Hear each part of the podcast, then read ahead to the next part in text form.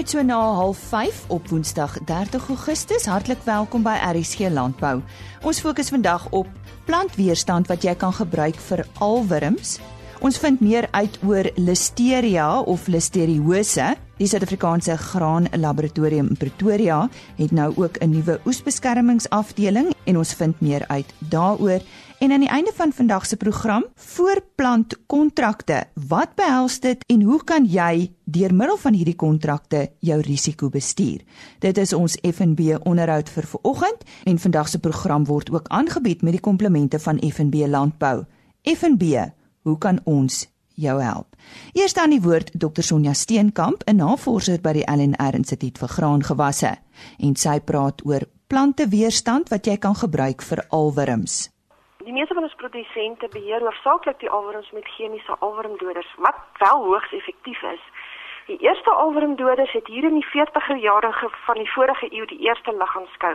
Hierdie alwurmdoders was so suksesvol in die beheer van alwurms dat ons teelers hulle meer daarop kon toespits vir beter oesopbrengste. Hulle hoef nie te veel bekommerd te gewees het oor die of die plante nog weerstand het of nie. Nou vandag sit ons met die tamaletjie dat daar relatief min gewasse en kultivars is wat nog natuurlike weerstand teen hierdie alwurms het.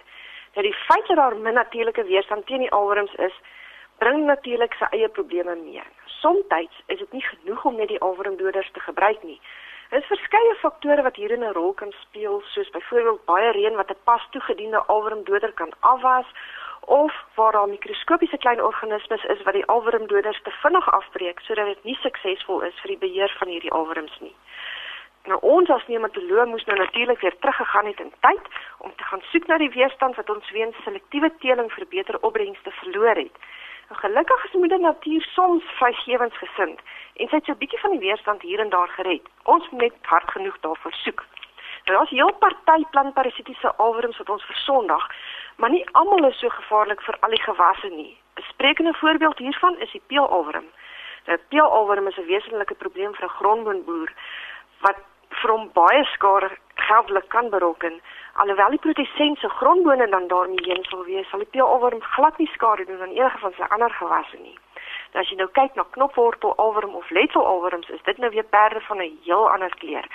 Hierdie twee alworms het weer 'n baie wye gasheerreeks en hulle kan op feitelik enige gewas parasiteer en dan nou skade aanrig aan hierdie gewas. So, dit is wys om dan nou eerder eers weerstand te gaan soek teen knopwortel of letselalworms. Nou ongelukkig is dit so dat as 'n gewas of kultivar weerstand het teen die een, hy gewoonlik nie weerstand het teen die ander een nie. Ons moet dus vooraf besluit watter ene um, ons op navorsing gaan doen en waarvoor ons gaan weerstand soek. En gewoonlik wat ons die besluit wat ons neem is ons kyk watter een die meeste probleme vir die produsent gee en dan konsentreer ons op daardie alwurm spesies. Die opnames wat ons hier gedoen het in samewerking met Noordwes Universiteit toon dat die knopwortelowering op hierdie stadium die grootste probleem vir die boere is.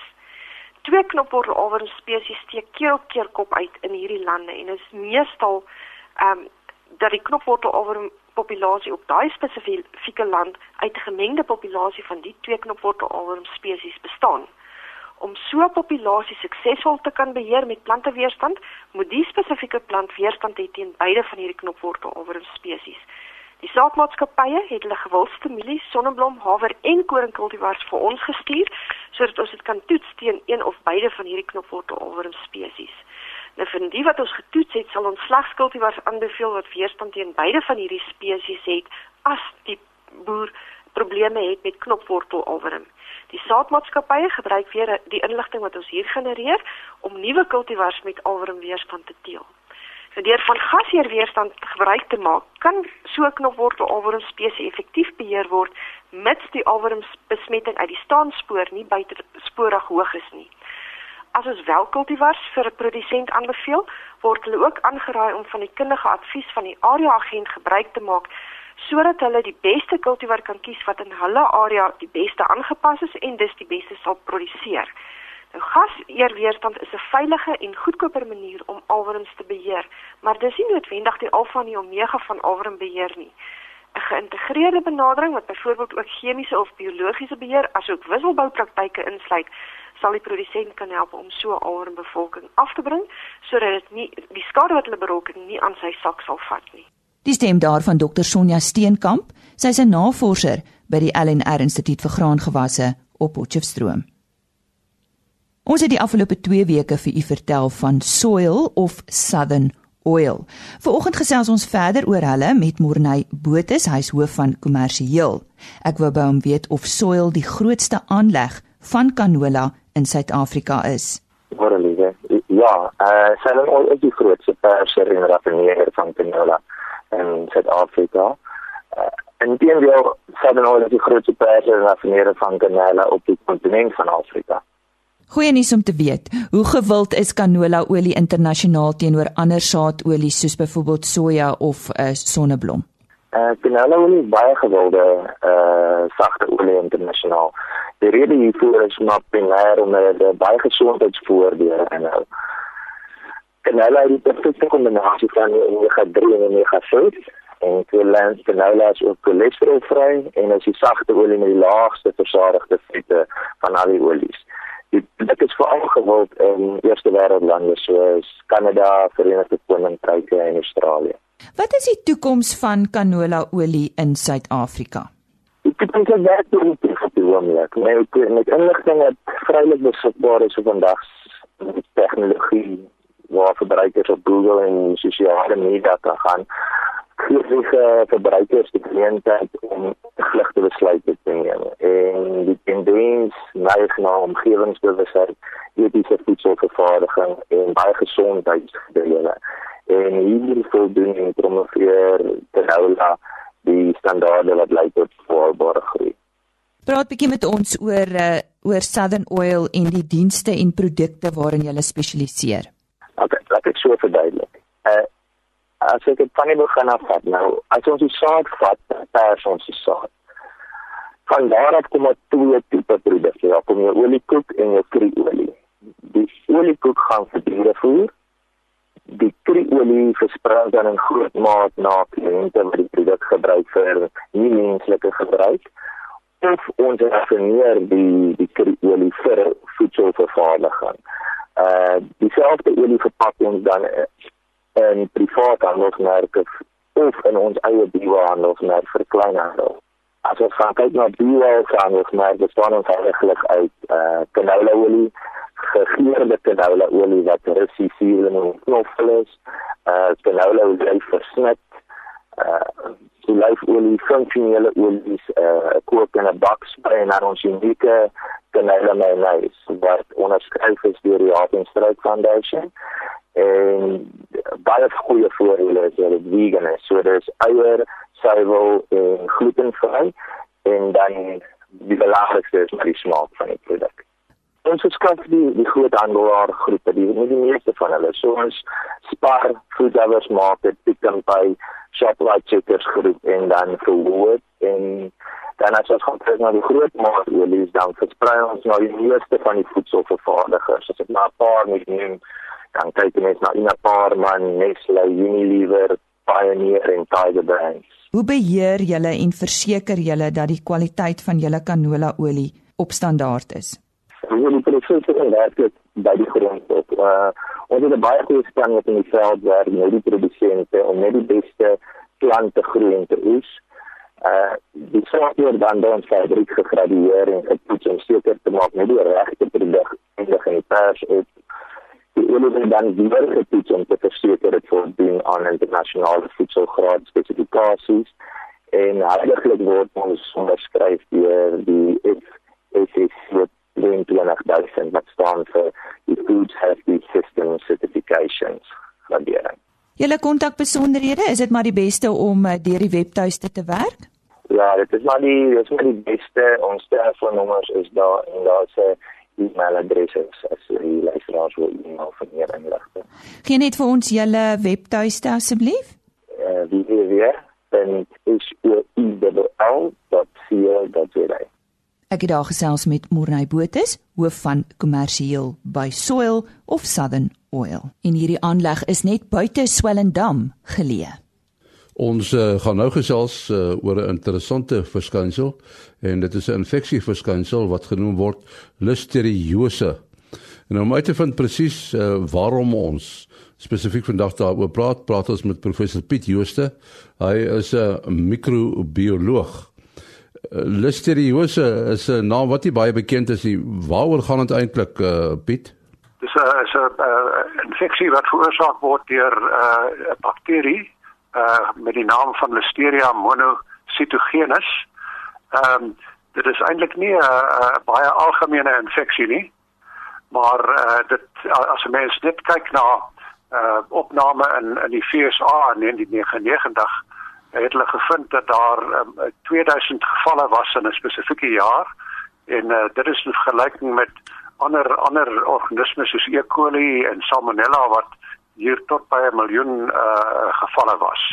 So dis nie is nie baie uh, uh rare siekte of is nie baie algemene siekte nie, maar dit uh, is tog baie ernstig as 'n mens hom wel opdoen. En en waar kry mense hierdie bakterie? Uh, hierdie is 'n is 'n omgewingsorganisme wat uh, algemeen in die grond, water uh, in die uh, en en ook in in in voedsel uh, uh, voorkom.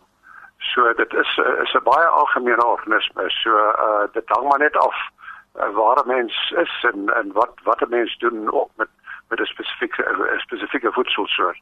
Nou jy jy het baie met met suiwel te doen uh, Piet en as jy mense dink aan die koue ketting en die paadjie wat melk moet loop voor dit in die bottel kom. Uh mense met hierdie koue ketting aan stand hou, dit sou seker een van die beheermaatreëls wees. Uh, ja, ongelukkig is uh, is Listeria een van die organismes wat redelik uh, bestand is teen koue. Hy kan hy kan selfs groei by yskastemperature. So dit is uh dis ongelukkig nie 'n beheermaatreël nie, maar 'n mens moet maar net deur goeie higiëne en uh, skoonmaak metodes en uh om om kruis uh kontaminasie van buite uh van die buiteomgewing uh ook ook dit beperk uh, kan 'n mens dit uh, beheer. En hoe sal 'n mens weet dat daar kontam kontaminasie is? Uh 'n mens moet maar gedurig ehm um, moniteer. Uh mens kan ehm um, mos monsters neem van plekke in die in die suiwelfabriek of in die omgewing en uh, ek dink dis iets wat maar gereeld gedoen moet word en veral uh vloere en dreine en sulke sulke plekke is is uh, moontlike gevaarplekke. So mense moet maar gedurig uh uh monsters neem en 'n mens kan dit dan by 'n uh, geakkrediteerde laboratorium laat uh, ontleed vir die spesifieke organisme. Nou het hierdie organisme uh, al weerstand ontwikkel teen uh beheermaatreëls. Ehm um, ek kyk ek, ja ek, ek dink ek dink as hy eers as hy eers gevestig is ehm um, weer die Engels Engelse praat van 'n van 'n harborage site. Uh, so met ander woorde dis 'n plek in die fabriek waar hy uh, nogal uh, vasbyt en en oorleef en ek dink as 'n mens sulke sulke plekke kan ontdek en, en 'n mens kan hulle behoorlik behandel op die regte maniere met jou ontsmettingsmiddels en uh, skoonmaakprosedures dan uh behoort 'n mens die uh die ding onder beheer te kry maar 'n mens kan hom nooit heeltemal wegkry nie maar 'n mens kan hom onder beheer beheer hou. So so as 'n mens nou so na jou luister dan klink dit uh, ook of of uh, die mens uh, gevaar loop om om die bakterieë uh, te kry. Ja, nee as as 'n mens hom kry soos ek sê is skaars maar uh maar as 'n mens hom opdoen dan is dit kan dit 'n baie ernstige infeksie wees en is veral uh, van toepassing op uh, sê maar swanger vroue uh, ook die uh, die pasgebore baba of die dit kan uh, by swanger vroue kan dit lei tot miskrame. Uh dit kan ook lei tot uh breinvliesontsteking in in volwassenes en veral ouer ouer mense of mense wat uh, uh immuniteits uh wie verswakte immuniteitsstelsel het. Ons sê baie dankie aan professor Piet Jooste, hy is 'n microbioloog. Dankie Henny. En nou gaan kuier ons by die Suid-Afrikaanse Graanlaboratorium. Die hoofbestuurder, Viana Lou, vertel nou van hulle nuwe oesbeskermingsafdeling, maar ons vind eers uit presies wie is SAGL. Soos wat ons in verlede gesê het, Lisa, ons grootste rol is dat ons as verwysingslaboratorium optree vir die graan en oliesade bedryf. Ehm um, in in hierdie kapasiteit is daar natuurlik 'n hele klompie goed wat ons vir die vir die bedryf doen. Uh, een van die belangrikste komponente is dat ons oeskwaliteitsopnames doen op verskillende kommoditeite, op koring, mielies, sojabone en sonneblom en ons doen dit dan nou op 'n jaarlikse basis om die kwaliteit van die plaaslik geproduseerde um, kommoditeite om dit dan te toets en dan rapporteer ons dit in, op 'n jaarlikse basis sodat ons kan vergelyk oor verskillende seisoene hoe lyk die kwaliteit van ons graan en oliesade. Nou beide afdelings van die SAGL is geakkrediteer onder die internasionale standaard vir toetslaboratoriums. Aan watter vereistes moet julle voldoen vir hierdie akkreditasie? Die internasionale standaard ISO 17025 is 'n standaard wat ontwerp is spesifiek vir toetslaboratoriums. Nou as jy as verwysingslaboratorium wil optree, is een van is, is moet jy voldoen aan hierdie akkreditasie vereistes. Die standaard het eintlik 'n hele klomp vereistes waaraan 'n mens moet voldoen.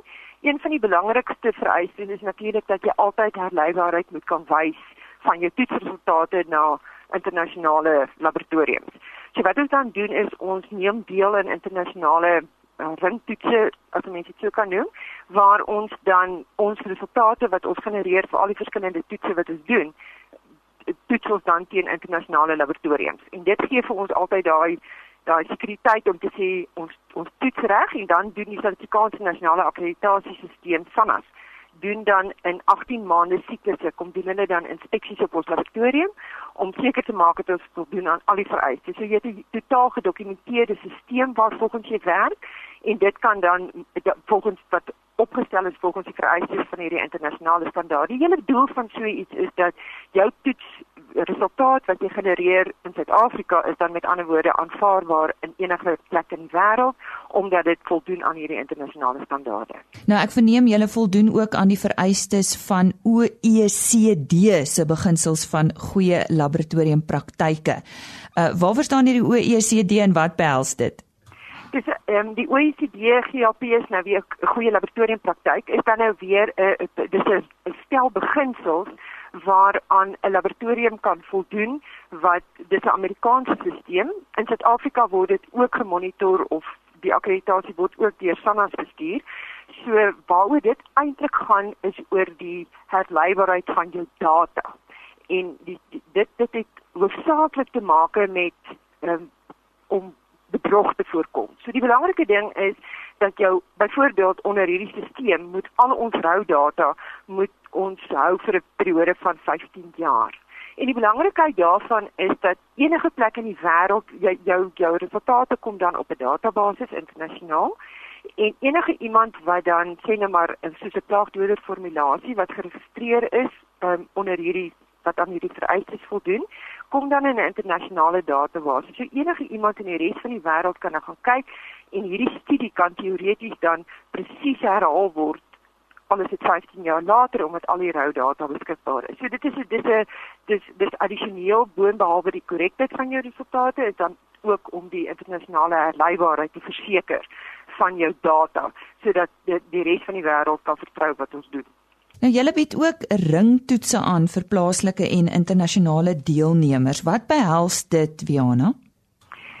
In ons rol as 'n verwysingslaboratorium moet ons daar herleibaarheid wat ons dan nou op in ons internasionale ringtoetse wat ons deelneem om dit dan nou te dissemineer na die res van die bedryf. Onthou 'n groot gedeelte van die toetswerk wat gedoen word in die bedryf word nie noodwendig in laboratoriumomstandighede gedoen nie. Dit word gedoen op plaasvlak, dit word selfs dit word by die silo's gedoen. So daar is verskillende plekke waar toetswerk gedoen word en daar word dit gedoen met behulp van wat ons noem sekondêre meettegnieke. Al die metodes wat ons doen in ons laboratorium gebruik ons primêre metodes en dan op grond van daai resultate verifieer hulle dan hulle primêre hulle sekondêre meettegnieke.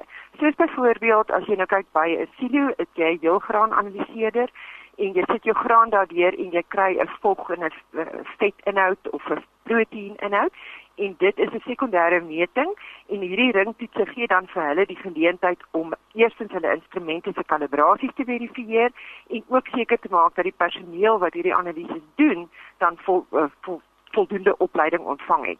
So 'n deel van ons rol dan is as daar addisionele opleidings behoeftes is, kan die SAGL dan daarmee ook help. So ons bied opleidingskursusse aan so daai mense kan dan na die laboratorium toe kom en hulle kan opleidingskursusse by ons ontvang. Nou om terug te kom na die nuwe oesbeskermingsafdeling. Nou julle is toegerus om heelwat bepalinge te doen. Wat is hierdie bepalinge? As ons praat van oesbeskerming is ons fokus nou op op uh, plaagdoders formulasie. So dit sluit 'n hele reeks ehm um, toetse in. Daar's fisiese en chemiese toetse wat wat ons moet doen.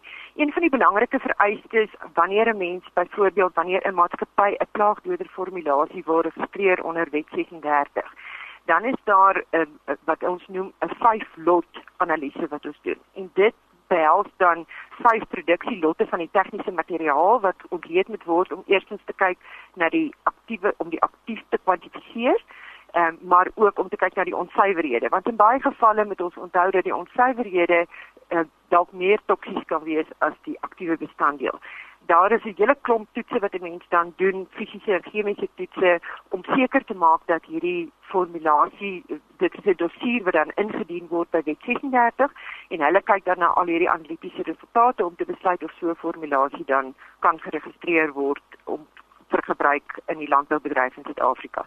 Hierdie laboratorium is eintlik basies 'n uitbreiding van wat ons het van die die SAGL het tradisioneel altyd net gekyk na oeskwaliteit, maar hierdie is dan nou verder gefokus op die op die beskerming van die oes. So dis eintlik die eindpunt.